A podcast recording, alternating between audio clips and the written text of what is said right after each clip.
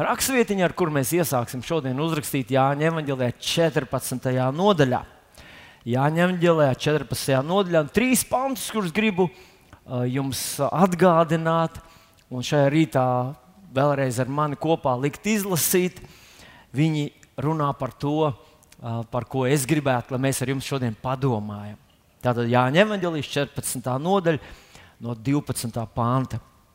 Patiesi es jums saku, kas man tic, tas arī tos darbus darīs, ko es daru, un vēl lielākus par tiem darīs, jo es noēmu pie tēva. 12. pāns. Es sadalīšu šo perikopiņu trijos, di, divās tādās fragmentiņos.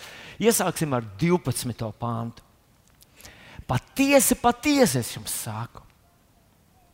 Mēs jau zinām, ka viss, ko Jēzus teica, bija patiesība. Bet šajā reizē viņš īpaši akcentē to. Paklausieties, tas, ko es tagad teikšu, var neizklausīties pēc patiesības. Var izklausīties pēc utopijas, bet tā patiesi, patiesi ir patiesība. Un tā patiesība ir tāda, ka tas, kas man tic, tas darīs tādus darbus, kā es daru, un vēl lielākus par tiem darīs. Mēs visi zinām, ka darbi, kurus Jēzus darīja, bija vienkārši nesasniedzami. Vienkārši mums visiem liekas, hei, tas taču gan nevar būt patiesība. Bet manā izpratnē Jēzus šeit mums cenšas pateikt, ka, kad viņš aicināja savus mācekļus, viņš negribēja viņus pasaukt, lai viņiem ieborētu, iestāstītu, liktu viņam apzināties, ka ka no viņiem līdz Jēzum ir kosmos. Un viņi nekad tādi nebūs. Vienīgais, kas jums jāapzinās, ka esat grēcinieki, nepilnīgi, nešķīsti. Esat tālu no Dieva. Brīžiem raugoties uz tādu vidusmēru kristietu, liekas, ka vienīgais, ko viņš ir iemācījies, ka ir grēcinieks, un ka Dievs ir neaizsniedzams, un ka viņam līdz Dievam ir ir nu, ļoti, ļoti tālu. Bet Jēzus aicināja puikas, un viņš šeit saka viņiem, ka, ja jūs uzticēsieties man, jūs būsiet tādi kā es. Tas var izklausīties pilnīgi pēc ķecerības, un tomēr tie ir vārdi, kurus teica Jēzus.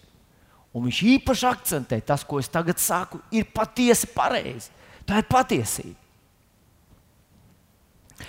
Dažreiz mums šķiet, ka kristietība ir tikai vārdi, ka tie ir vārdi. Un mēs brīžiem sacenšamies savā starpā. Kurš izlasīs kādu grāmatu, noklausīsies kādu, kādu spilgtāku runātāju un pateiks kaut kā vēl spilgtāk to. Dažreiz mācītājs sacenšas par to, kurš pateiks labāk. Un brīžiem tā vien šķiet, ka, ja tu vari atsaukties uz kādu filozofu, kādu nevienam nedzirdētu, vai tieši otrādi, pasaulē ļoti slavenu filozofu vai kādu ļoti slavenu rakstnieku, tad tas ir tā īstā gudrība un tā īstā lieta. Gribas atcerieties, bija tāda dziesmiņa. Es ne, neesmu drošs, vai es tur reiz trāpīšu uz toni. Bet bija tāda parole, parole, parole. Parole, parole, parole, parole, parole. Nu, un tā tālāk. Vārdi, vārdi, vārdi, vārdi, vārdi, vārdi, vārdi, vārdi. Un viss. Bet Jēzus izpratnē, tā kristietība, tavas attiecības ar Dievu parādās nevis vārdos, viņas parādās darbos. Un Jēzus tā bija. Viņš ne tikai teica, es esmu Dieva dēls, jums man jātic. Viņa misija, viņa būtība parādījās viņa darbos. Un viņš to pašu teica par mums ar tevi. Un manā izpratnē, tas, ka es esmu kristietis, tas, ka man ir attiecības ar manu debesu tēvu, ka es patiešām esmu glābts. Pirmam, kam jāparādās, ir, un pirmā vieta, kur tam jāparādās, ir manī pašā. Manī, nevis manos vārdos, ko es saku citiem, bet manī. Un tā pirmā lieta būtu, protams, miers, prieks.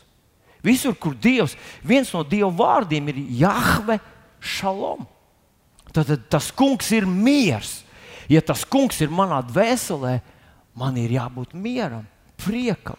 Man ir jābūt vērtības apziņai. Man ir jābūt kaut kam tādam, kas man dod tādu mieru un gandarījumu, pat ja man nekā nav. Mēs ar jums dzīvojam ļoti bagātā laikmetā. Nu, tā ir ziņā. Vidusmēra Latvijas šodien dzīvo nesalīdzināmāk labāk kā pāris simtus gadus atpakaļ kaut kā ķēniņa, hercogi, kaut kāda aristokrāta. Mēs ēdam labāk, ģērbjamies labāk, smaržojam labāk, mums ir labāka medicīna. Nu, Atcerieties vienu to ļoti izplatīto metodi, kas bija pirms kāda laika. Ļoti populāra asiņu nolai, nolaišana. Tev sāp galva, asinis nolaidīsim. Tev nu, caurēji nolaidīsim asinis. Cilvēki baidījās gulēt uh, horizontāli, jo teica, ka čūras satek galvā. Un tāpēc tā nu, tādā pussēdu stāvoklī gulēja. Nu, tā bija zinātnē kādreiz. Mēs ar tevi dzīvojam daudz labākos laikos. Vidusmēra lauku dakteris, viņš nevar līdzināties. Nu, viņš, ir, viņš ir trīs galvas pārāks par tiem doktoriem, kas kādreiz ar dēlēm, galvas kausa trepanāciju un vēl visādām uh, nu, barbariskām metodēm ārstē cilvēkus. Mēs dzīvojam nesalīdzināmā laikā. Un tomēr es uzdrošinos apgalvot, ka cilvēki, kristieši pirms mums, kas nezināja, vai rīt ēdīs, nezināja, vai viņiem vispār būs kāda pensija, kad viņi aizies. Uh, pe, nu, Par pensiju vispār tas ir mūsdienu izgudrojums. Tas tāpat kā mobilais telefons, tāda pati pensija. Nekad cilvēkiem nekas tāds nav bijis. Bet cilvēki bija laimīgi, cilvēki bija apmierināti, mierīgi. Viņi nevi, viņiem nevajadzēja, lai visu pasauli laiko viņu presītu, vai, vai, vai matu sakārto, vai vēl kaut ko. Un to es saku, ka tas tam būtu jānāk tevi un manī no tavām attiecībām ar Dievu, kurš ir miers, kura vaiga priekšā ir, ir prieka pilnība. Tātad tas ir tas, kas kas, ko man nodrošinātu ticība Jēzum. Mīļais draugs, kad tu pieņem Jēzu par savu kungu, tad nevis tu esi ieguvis maģisku aizgādni, kurš tagad regulēs visu tavu dzīvi, bet tu esi ieguvis kādu, kuram uzticoties, vai kā Jēzus teica, ticot man, viņa dzīvē ienāk reālas lietas, kas izpaužās reālos darbos. darbos. Un es ticu, ka tas, ko Jēzus teica, ka tas, kurš man tic, darīs tos darbus, kurus es daru, un Jēzus dziedināja, Jēzus paēdināja, Jēzus tika cauri ne, situācijām, kurām nebija iespējams tikt cauri. Tas pieder tev un man, ja mēs ar tevi esam nevis vienkārši svētdienas baznīcā sēdētāji, bet mēs esam aktīvi Jēzum ticīgie cilvēki, kas uzticās viņa vārdam, kas nesā viņa vārdu savā dvēselē, tad mūsu dzīvē mums būtu jāiet no spēka vai no darbiem uz vēl lielākiem darbiem. Tā tad Jēzus uzskatīja, ka tie nav tikai vārdi, ka tās ir reālas lietas, kas ienāk cilvēka dzīvē, pateicoties tam, ka esam uzticējušies Jēzum Kristum. Un tagad tā 13. 14. pāns. Jēzus saka tālāk tā. Un visu, ko jūs lūgsiet manā vārdā, to es darīšu, lai Tēvs tiktu pagodināts dēlā. Ko jūs lūgsiet manā vārdā, to es darīšu darīšu. Mēs esam droši, ka šeit Jēzus nerunā par lūgšanu. Jo mēs nepaņemam divus pantus no visas Bībeles un nesakām, ka te ir visa patiesība. Jo kādā citā vietā Jēzus mācīja saviem mācekļiem, lai viņi lūdz debesu tēvu. Tātad Te nav lūkšana, aicināt, mēs neesam aicināti, lai mēs lūdzam Jēzum kaut ko.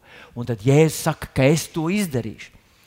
Te ir runa par to, ka ja mēs atsaucamies uz Jēzus nopelnu vai to, ko viņš ir izdarījis, atcerieties pie krusta, viņš teica, ir izdarīts, ir piepildīts.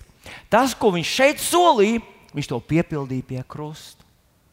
Tātad Jēzus saka, ja jūs lūgsiet tās lietas, kuras es esmu jums nodrošinājis, kuras es priekš jums esmu piepildījis, tad tās jums piepildīsies, lai tēvs tiktu pagodināts dēlā.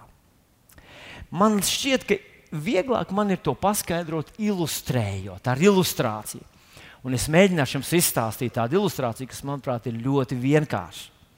Un tā ilustrācija būs tāda, ka dažkārt, kad pie mūsu draudzē, mūsu draudzē lielu darba daļu dara brīvprātīgi cilvēki, lielu, absolūti lielāko daļu dara cilvēki, kuriem neko par to nemaksā.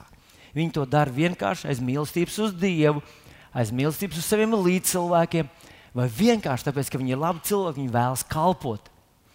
Nu, lūk, un kādreiz, kad šie brīvprātīgi atnāk un pavada šeit ilgāku laiku, gandrīz veselu darbdienu, mēs viņus mēdzam paēdināt mūsu kafejnīciņā. Mums apakšā pamatstāvā ir kafejnīca.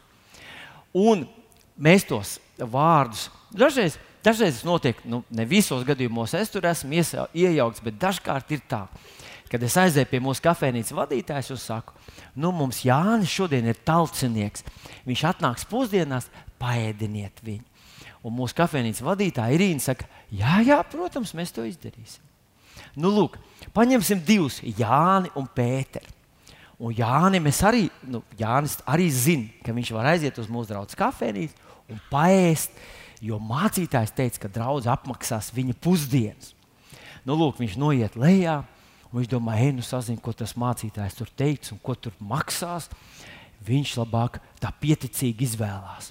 Viņš saka, vai jums ir piemēram grūbas? Un viņš paskatās, cenu rādīja, ir vēl lētāks par grūbām. Ir kaut kāds, kas ir lētāks par grūbām? Grūbas vairs nav lēts. Kas, nu, kas, pasakiet, kas ir par grūbām lētāks? Kas? Grīķi, grīķi, vai grīķi nevar būt lēti? Nu, vēl lētās grūpas, bet vai jums ir arī lētās grūpas? Ir viņa saka, jā, ir. Es gribētu lētās grūpas, bet vienu tādu nelielu kausiņu. Ir viņa saka, mācītājs teica, ka samaksās par tavām pusdienām. Tu gribi lētās grūpas, lūdzu, sev lētās grūpas, saņem lētās grūpas. Vai jums ir mm, arī kaut kas no gaļas? Jā, mums ir no gaļas, lūdzu, izvēlēties. Vai jums ir kaut kas, kas gaļai blakus stāvējis? Ir? O, jā, mācītājs teica, ka samaksās par to, ko tu būsi izvēlējies, par tavām pusdienām. Iedodiet man to, kas ir gaļai blakus stāvējis trīs dienas, un, un es tagad gribu to. Vai tiešām tas to, ko tu gribi? Jā, jā, man jau daudz nevajag. Es jau esmu ļoti vienkāršs cilvēks. Un cilvēks paņem pusdienās, un draudzene samaksā par viņu pusdienām. Tātad viņš apēd lētās grūdas un to, kas stāvēs blakus gaļai. Bet kāds cits padzirdējis, ka viņš var paņemt pusdienas, kad draudzene samaksās par viņu. Atnāk un nevis meklē apakšā, bet viņš brauc uz augšu. Kas tur ir tās pēļu grūdas? Vai tās tiešām ir pēļu grūdas? Jā, vai es drīkstu ņemt pēļu grūdas? Ir īņķis, mācītājs teica, ka samaksās par tavām pusdienām. Tu vari ņemt pēļu grūdas. Viņš izvēlās pērļu grūpas. Un tad viņš saka, jā, bet kas tur apakšā ir kaut kas gaļai blakus stāvēs? Nē, nē, nē. Vai pati gaļa arī ir? Ir gaļa arī. Vai es varu ņemt gaļu? Mācītājs teica, ka samaksās par draugu, samaksās par tavām pusdienām. Un viņš izvēlās pērļu grūbas, īstu gaļu, īstu mērci, īstu saldo. Vai es varu ņemt rupmaizi? Jā, jūs varat mācīties, teikt, ka samaksā. Vai es varu ņemt baltmaizi? O, var. Vai es varu ņemt svaigu baltmaizi? Mācītājs teica, ka samaksās. Es ņemu svaigu baltmaizi. Un jūs redzat, atšķirība. Un tas ir tas, ko Jēzus saka. Diemžēl liela daļa viņa bērnu savā dzīvēm necer, ka Jēzus tiešām kaut ko reāli samaksās. Un tāpēc viņi izvēlās lētās grūdas un to, kas stāvēs blakus gaļai. Es nerunāju par burtisku ēdienu, es runāju par visu par to, kā tu redzi sevi, kā tu redzi savu dzīvi, kā tu redzi, cik daudz Dievs iesaistīsies uz tavu lūgšanu. Bet, ja es teicu, visu, ko jūs lūgsiet, manā, ko es esmu solījis, ko esmu priekš jums sagādājis, to visu jūs dabūsiet, vai es to došu, vai esmu garantīgi tam, ka lai Tēvs tiktu pagodināts. Redziet, kad tu tagad aiziet, tas Jānis aiziet visiem stāst. Vai jūs zināt, kāda mūsu draudzene ir dāsna? Es tur nostrādāju veselu dienu un dabūju lētās grūbas, veselu kausu un to, kas stāvēs blakus gaļai. Kāds gods draudzē, visi cilvēki ir autā par to pareizi. Tā prieka vēst, tur jau tikai miljonāri visi tur. Paskatieties, kādas mašīnas viņiem tur stāv. Tur jau vienkārši cilvēki nemaz nedrīkst nākt ar ko viņi baro savus brīvprātīgos. Vai liels gods no tā ir? Ko? Ja tu saki, viss, ko Dievs man devis, ir tas sarūsējušais, nu, tā pieticīgā dzīve, tās, tā, tā, eh, kā tur kā vienreiz viens cilvēks izteicās kaut kā. Viss viņam bija slikti, bet ar to paldies Dievam. Par to pašu jāsaka, paldies Dievam. Baigi pagodināja tu jēzu. Bet, ja tu saki, es nostrādāju draudzē brīvprātīgumā, paēdināju, un es ēdu pērļu grūbas, divas šķīvis. Un iedomājieties, man reālu gaļu iedeva pusdienās, draudzē. Es domāju, ka draudzē vispār gaļu nevar nākt garām. Un tā taču ir asketiskā vieta, vai ne? Ko? Vai tad jums neteica, ka Jēzus arī bija nabaks? Nē, Jēzum Ne tikai pašam bija nauda, viņam vajadzēja kasieri, kurš nesā naudu. Jēzus nebija nabaks. Romiešu virsnieki iekāroja to viņa ancuku, kas viņam bija. Viņš bija ģērbts tajā laikā pēc labākiem standartiem. Kurš mums ir iestāstījis, ka tas ir tā? Nu, mīļie draugi, tas ir tas, ko Jēzus mums cenšas pateikt. Viņš cenšas pateikt, ka es esmu sagādājis priekš jums tik daudz, ka viņš to pateica tādiem vārdiem, un visu, ko jūs lūgsiet manā vārdā. Es esmu pārliecināts, ja mūs motivē Dieva vārda apsolījumi, nevis iekāra. Protams, Jēzus nenodrošināja, ka es varu iekārot kādu citu sievu. Un te, tu teici, visu, ko es lūgšu, tev vārdā, es gribu tādu onkuļu sievu. Viņš vakar apprecējās āgri apprecējās. Tas ir, nu, tas ir stulbs piemērs, protams, bet tas nav tas, nav tas ko Jēzus nav tavs kārības, tavs mīsīgās apetītes apmierināt. Bet, ja tu skaties Dieva vārdā, ko Dievs ir sagādājis priekš tevis, un tu uzdrošinies to ticēt, un saņemt un lūgt, Jēzus teica, tu to dabūsi, un Dievs no tā iegūst godu prieks, miers, laimes sajūta, vērtības apziņa ir lietas, kuras tev pienākās. Tas ir iztikas minimums. Tas ir tas, ar ko viss sākās. Un tu to vari dabūt, ja tu uzticies Jēzus vārdam. Vienkārši uzticies viņa vārdam, vienkārši notic tam, ko viņš saka. Un šorīt es gribu parādīt tikai trīs lietas, kurām, ja tu tās tādas trīs zelta durvis, trīs apzeltītas durvis, aiz kurām stāv dārgumu noliktā. Ja tu ieies par katru no šīm durvīm, draugs, tu izmainīsies kā personība.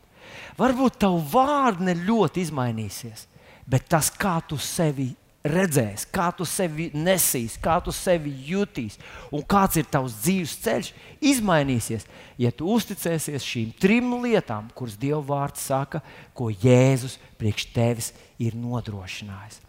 Un tā pirmā lieta ir uzrakstīta Jāņa evanģēlijā, pirmajā nodaļā, 12. un 13. pāns. Bet cik viņi uzņēma? Ievērojiet, Te nav rakstīts, cik gāja un sēdēja tur netālu no Jēzus. Tas, ka tu aizej un apsēdies kādā baznīcā, tas tev nepadara par altāru gleznu, gleznu un nepadara tevi par kristieti. ir jāpieņem Jēzus Kristus par savu kungu. Tas notiek individuāli, personīgi. Tu to dari, tu to dari. Tu, tā kā es apprecējos individuāli ar savu dzīves draugu, tā, tā, tas notiek tavas personīgās attiecības ar Jēzu Kristu. Tu viņu pieņem par savu glābēju un savu kungu. Un, bet cik viņu uzņēma, tiem viņš deva vāru kļūt par Dieva bērniem. Tiem, kas tic viņa vārdam, ticība atkal ir tagadnes izteiksmē, kas nav dzimuši ne no asinīm, ne no miesas iegribas, ne no vīra gribas, bet no Dieva. Tas atslēgas vārds, ko es gribu, lai tu paņem šeit, un ko mums katram vajadzētu ieraudzīt un sadzirdēt, ir dzimuši no Dieva. Mēs nevis vienkārši kļūstam par kristiešiem, pievienojoties baznīcai. Mēs nevis vienkārši sākam apgūt kaut kādu reliģisku terminoloģiju, doktrīnas un dogmas. Kristietība ir par to, ka tiem, kas pieņem Jēzu par savu kungu, viņi piedzimst no Dieva. Piedzimst no Dieva. Tas ir, viņi ir dzimuši no Dieva. Nevis adoptēti, nevis pieaugušēti vai pieradināti, bet dzimuši no viņa. Mīļais draugs, nu, gan jau, ka tu kādreiz esi redzējis kādu jaundzimušo, kurš jau no paša sākuma jau nes savu vecāku vaipsus, vai nu tēva vaipsus, vai mātes vaipsus.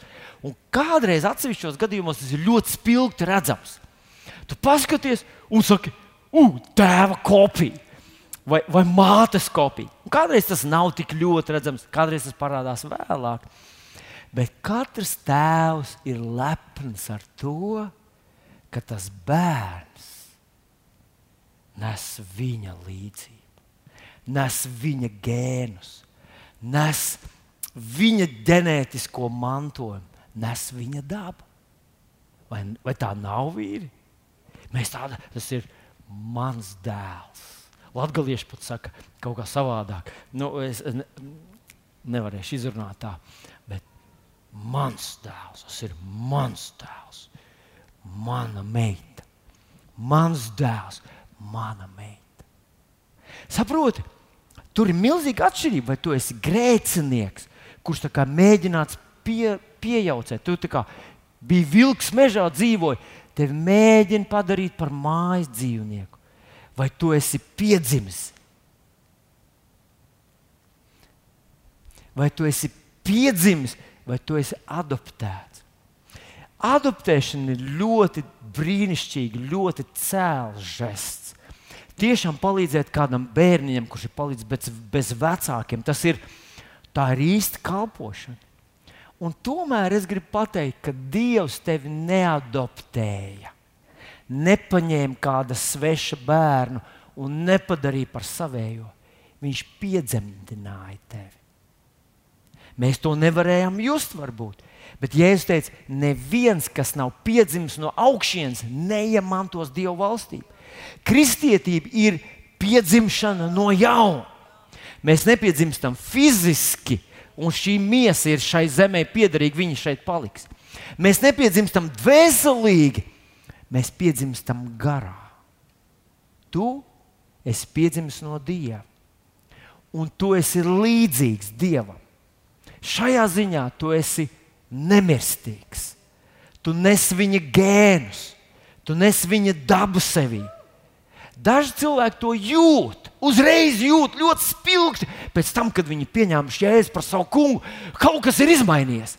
Lietas, no kurām viņi agrāk bēga, nu viņus pievelk. Lietas, kuras agrāk viņi ienīda un nicināja, nu, tās viņiem ir dārgākas par dzīvību. Tā, tā pārmaiņa ir tik spilgta, ka to ir grūti aprakstīt vārdos.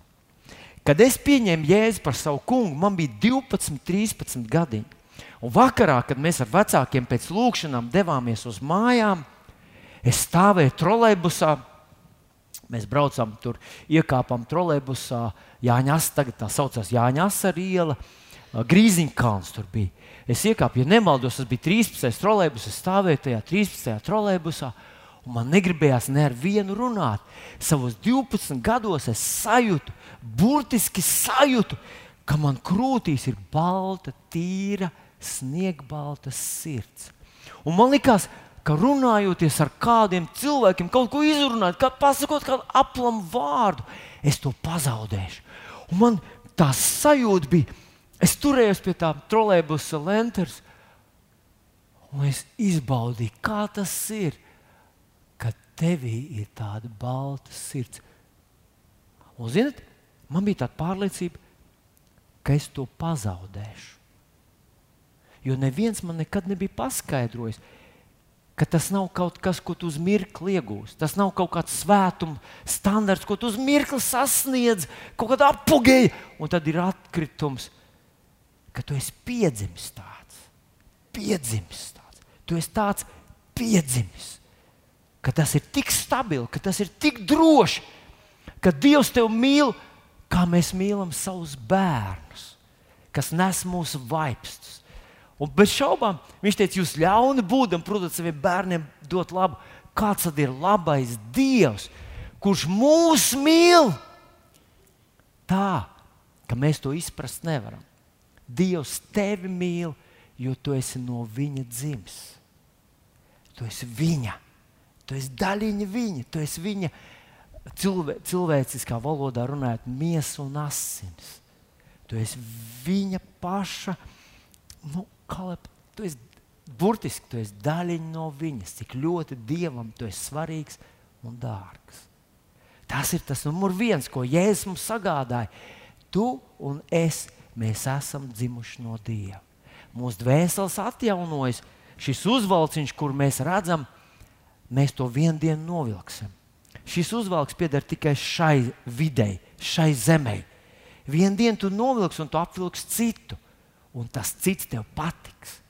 Īsnībā tu pats sevi nekad neesi redzējis. Neviens tevi šajā pasaulē nav redzējis. Tas īstenais es ir tur iekšpusē, un zini, ko viņš mirdz, viņš spīd, jo tas ir no Dieva piedzimis.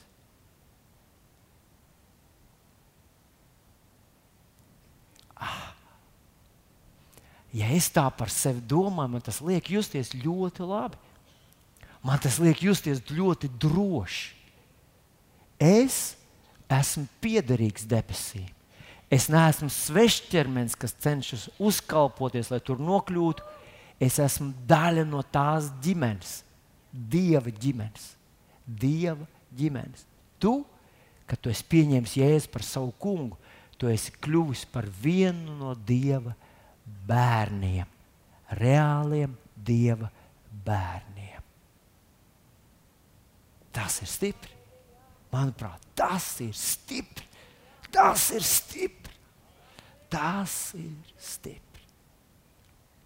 Otra lieta, kur šorīt gribu ar jums padalīties un atgādināt, ko Jēzus ir izdarījis un uz ko tu vari absolūti droši paļauties un, un mm, baudīt, ir uzrakstīts Efeziešu vēstulītē, 1. nodaļā, 13. pāns, Efeziešiem 1.13.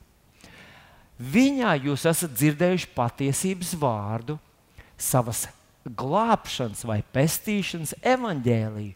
Viņam ticēdami esat saņēmuši svētā gara zīmogu pēc apsolījuma. Viņam ticēdami esat saņēmuši svētā gara zīmogu pēc apsolījuma. Nu, mēs arī dzīvojam tādā sarežģītā laikā ar to, ka mūsu izpratnē zīmogs ir kaut kas tāds, nu, tā kā tāda, nu, uz laiku, tā kā tāda novilcina, tā kā tās, tās um, tetovējumi, kas ir kā uzlīmējami vai, vai nu, uz kādu laiciņu. Vai ne? Kaut kas, ko tev uzspiež uz pieres, piemēram, un tad ar laiku tas noiet. Nu, varbūt, nu, saki, varbūt nenoiet. Varbūt ir tāda tinte, kas nenoiet, tā kā ietetuvēts iekšā. Un tas ir labākais, ko mēs varam iedomāties, ka Dievs tā kā, tā kā mūsos ietetuvē kaut kādu savu piedarības zīmi. Bet tajos laikos, kad tika rakstīts evanģēlijs, un, un pāris gadus atpakaļ, pāris, nu, teiksim, manā jaunībā, mēs zimo, zinājām daudz vairāk, kas ir zīmogs. Zīmogs bija kaut kas tāds, ko tu paņēmi vēstuli, piemēram, tie, kas skatījušies Dartaņānu un, un, un, un, četrus, un trīs muskatierus. Trīs vai četri, cik viņi bija? Trīs. Kurš to vairs var atcerēties, cik viņi tur bija? Dartaņāns un muskatieri.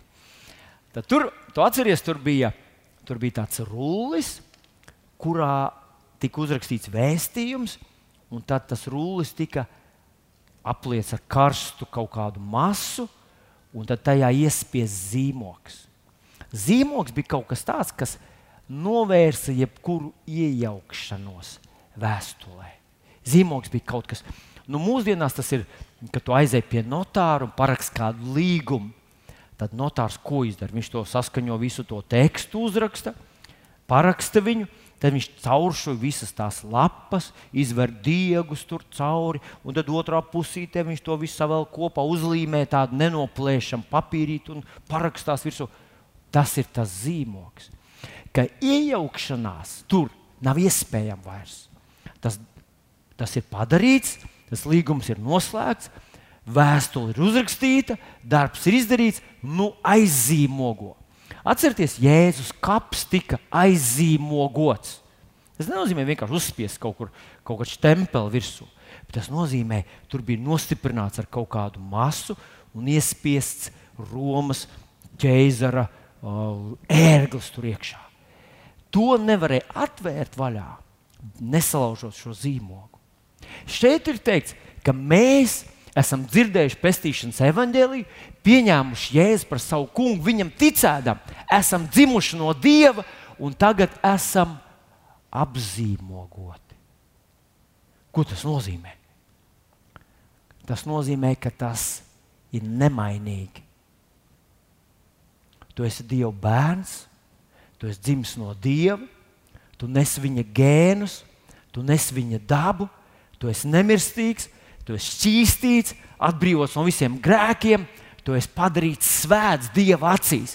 Mēs šodien nevaram izlasīt visas tās raksturvietas, bet Bībele ļoti daudzskaitlīgi un daudzbalsīgi runā tieši par to, ka Jēzus to visu priekš tevis ir izdarījis, un tad viņš apzīmogoja to ar svētā gara zīmogu.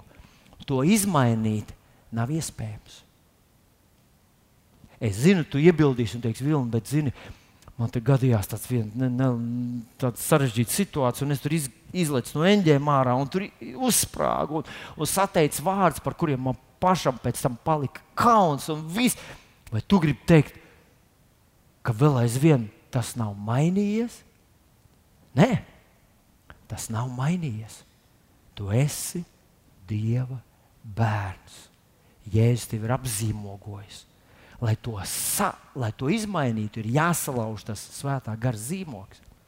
Man ir ļoti laba ilustrācija, kur es redzēju vienā no mūsu uh, depo veikaliem. Es neatceros, kāpēc es tur gāju, bet iegājis tajā veikalā, ieraudzīju tādu lielu augumu, latviešu armijas formas uh, tērpā saģērbtu vīrieti. Tādu lielu augumu, laikam viņš arī uh, tankus stumj, jo viņš bija tāds ļoti tāds izteikti musk, muskuļains vīrs. Un viņš stūma ratiņos tur par tādu, nu, es nezinu, pusotra gada laikam tam puisītim bija, kurš, kurš bija ļoti dusmīgs uz to latviešu virsnieku. Un kaut ko viņam teica, tad es tev nevaru. Un tas tēvs, tas liela auguma latviešu virsnieks, kuram es neuzdrošinātos pateikt, ka man viņš nepatīk, un lai viņš te paiet nost vai ko. Nu, viņš bija armijas cilvēks un, un liela auguma. Tas mazais bez kompleksiem viņam teica, ka viņš vairs negrib viņu, lai viņš iet prom, lai viņš, viņš, viņš vispār kaut ko tur, nu, ziniet. Un tas, tas lielais onkulis skatījās uz viņu, nu, nopietnu sejas izteiksmi, bet ar smaidošām acīm. Tas acis smaidīja. Un es gribētu apgalvot, ka tieši tā tas ir ar Dieva bērniem.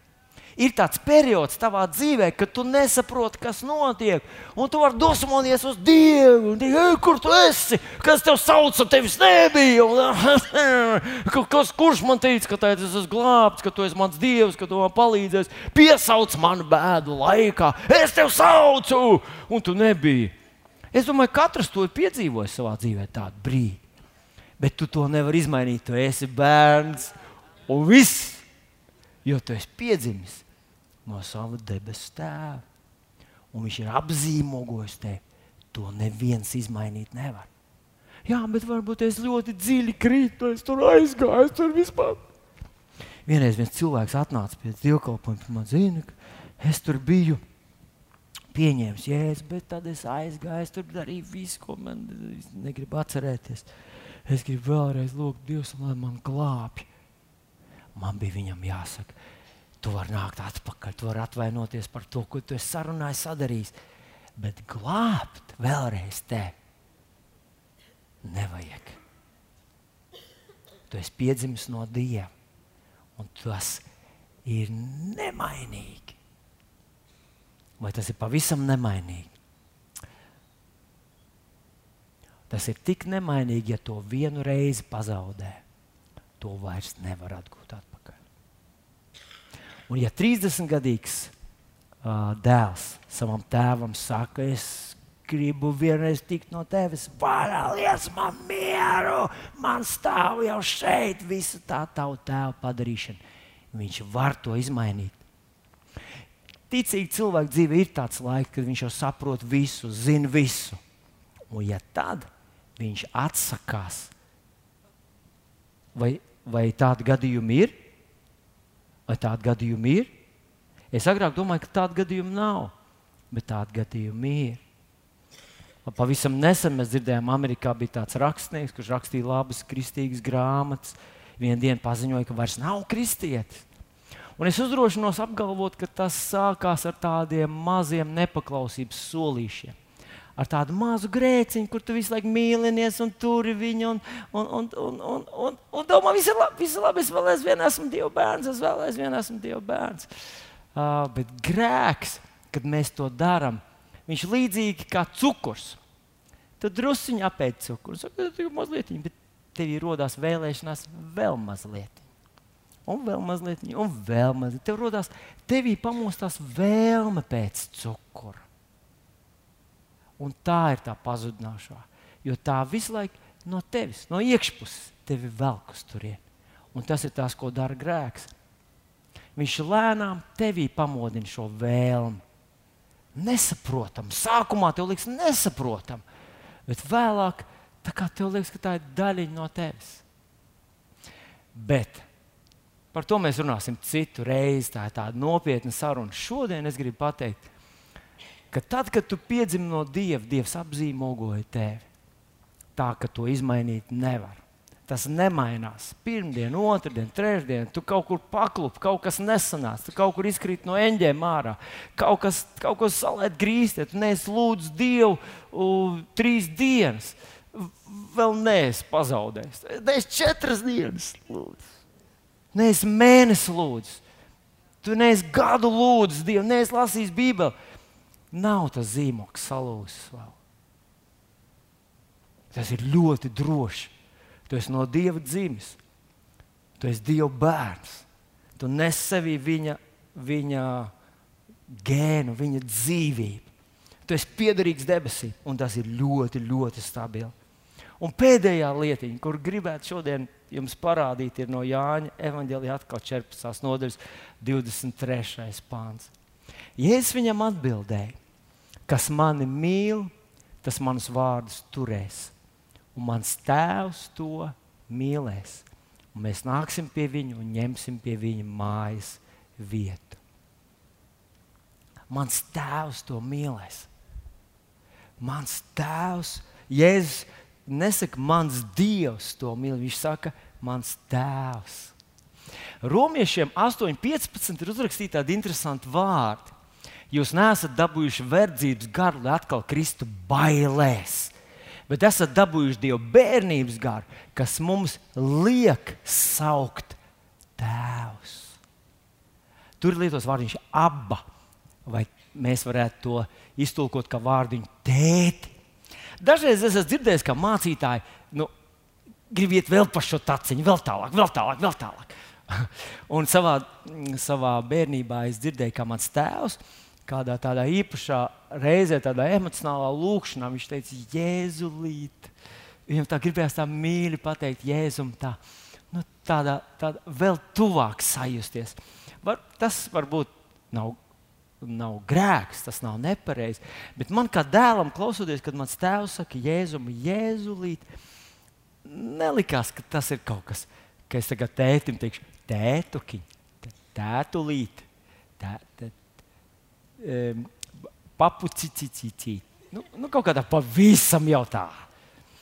Man pietika ar to, ka es varu teikt, tēt, tēvs, papu. Un tas ir tas, ko viņš saka. Redz, viņš mūs aicina no tās vietas, kur mēs sakām, Dievs, tu, Dievs, Dievs, glāb, Dievs. Līdz tai vietai, ka mēs apzināmies, ka mēs esam bērni. Un ne tikai bērni. Šajā pantā viņš saka, ka viņš dzīvos ar mums kopā. Tava dzīve, tava dzīve. Rīt no rīta tu piecelsies, tev priekšā būs izaicinājumi, tev ir kaut kādas problēmas, tev ir kaut kāds sapnis, kurus tu gribi piepildīt, tev ir kaut kāds neiespējams scenārijs, kurus tu tomēr ceri, ka tev varbūt izdosies. Tev tas ērglis tajā kokā, tev viņu gribas, no bērnības viņu gribas. Un tavs tēvs nevis no malas skatās uz tevi, nu, vai parāda, ka esi vecs, bet viņš ir kopā ar tevi. Kopā ar tevi. Nu, iedomājies, tas, protams, nenozīmē, ka viņš atrisinās visas tavas problēmas, tikai tu viņam pasūdzēsies. Tas, protams, nav tieši tāds stāstījums, kā es dzirdēju, bet reizes dzirdēju tādu sarunu, es viņu mazliet viņu modificēju. Mazais uh, saka savam, savam tētim, ka viņš vairs negrib iet uz bērnu dārzu, jo Anniņa viņam ņem nost mantiņas. Un tēvs saka, bet Anniņa knapi uz kājām turas. Nu, viņai tikai vajag rusciņu. Jā, bet viņa rāpo man pakaļ un ņem man nost mantiņas. Un, protams, ka jūs saprotat, ka tēvs būtu varējis atrisināt Anniņas problēmu. Vai, ne? vai būtu varējis? Protams. Bet viņš saka, tu ar to tiks galā. Tu vari ar to tikt galā. Un viņš dod viņam kaut kādus padomus, kā ar šo problēmu, kas saucās Anniņa, tikt galā. Un, zinot, mīļie draugi, tas lielais, milzīgais paradoks ir tāds, ka mums kāds ir iestāstījis, ka mēs nevaram ar to tikt galā. Veselībai uzbrukums. Dievs, ja Dievs neiejauksies, viņš jau sen ir iejaucies. Sen jau Jēzus paņēma visus tavus slimības savā miesā viņa brūcēs, tu jau esi dziedināts. Viņam nav vēlreiz jānāk, viņam jā, nav jāzina adrese, uz kurienes slimnīca, kas pa diagnozi. Tev nevajag lasīt viņam analīžu rezultātus. Viņš zina, viņš zina, cik tev ir leukocīti, viņš zina, cik tev ir eritrocīti, viņš zina visu tavu asins ainu, viņš zina, cik tev nu, skābi ir kuģi. Viņš zina, lasa tevi kā mazo grāmatu, mazo piezīmju grāmatu. Viņš zina, cik tev matu ir uz galvas un uz muguras. Viņš visu zina par tevi. Ziniet, ir muļķīgi Dievam stāstīt, cik tev ir grūti. Tā vietā tev vajadzētu ieraudzīt, ka Viņš tevi ir radījis. Viņš tevi ir padarījis par tādu, kas ar šo problēmu var tikt galā. Tu ar to vari tikt galā.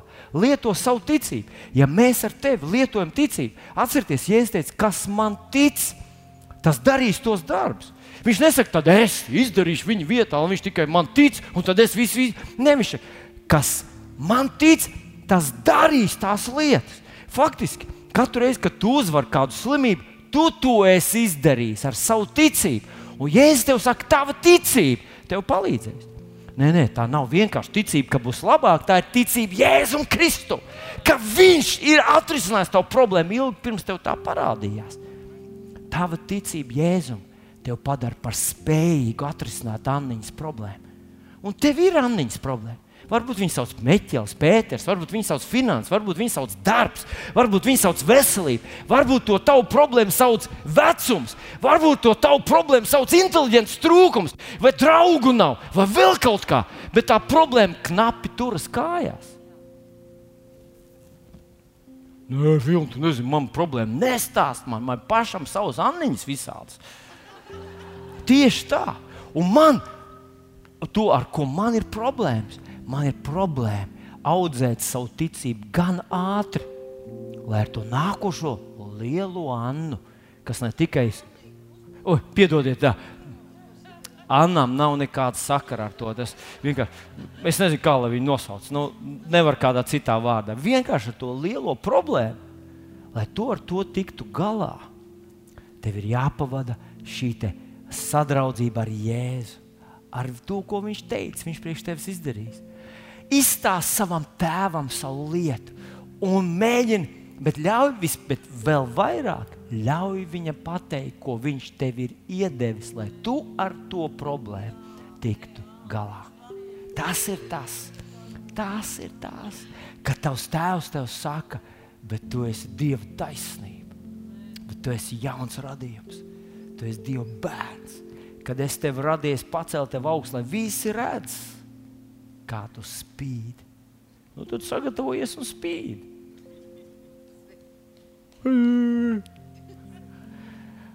Iemesls justies slikti mums ir visiem un vienmēr būs. Viņš nav apsolījis, ka šeit nožāvēs asars. Viņš teica, ka tur nožāvēs asars. Asarām vieta vai gribēties raudāt var būt visiem. Bet, ja mēs esam sadraudzībā ar Jēzu, ja mēs paļaujamies uz to, ko Viņš priekš mums ir izdarījis, mīļais draugs, tu esi neuzvarams. Tu esi neuzvarams esi dzimis no Dieva, esi apzīmogots ar svētā gara zīmogu, un pats Tēvs, tavs tētis, radītājs, dzīvo ar tevi kopā. Viņš zina perfektu visu, visu par tevi. Un viņš zina, ka tu ar to tiks galā. Vai viņš nav brīnišķīgs? Ko? Dosim aplausu viņam. Jā.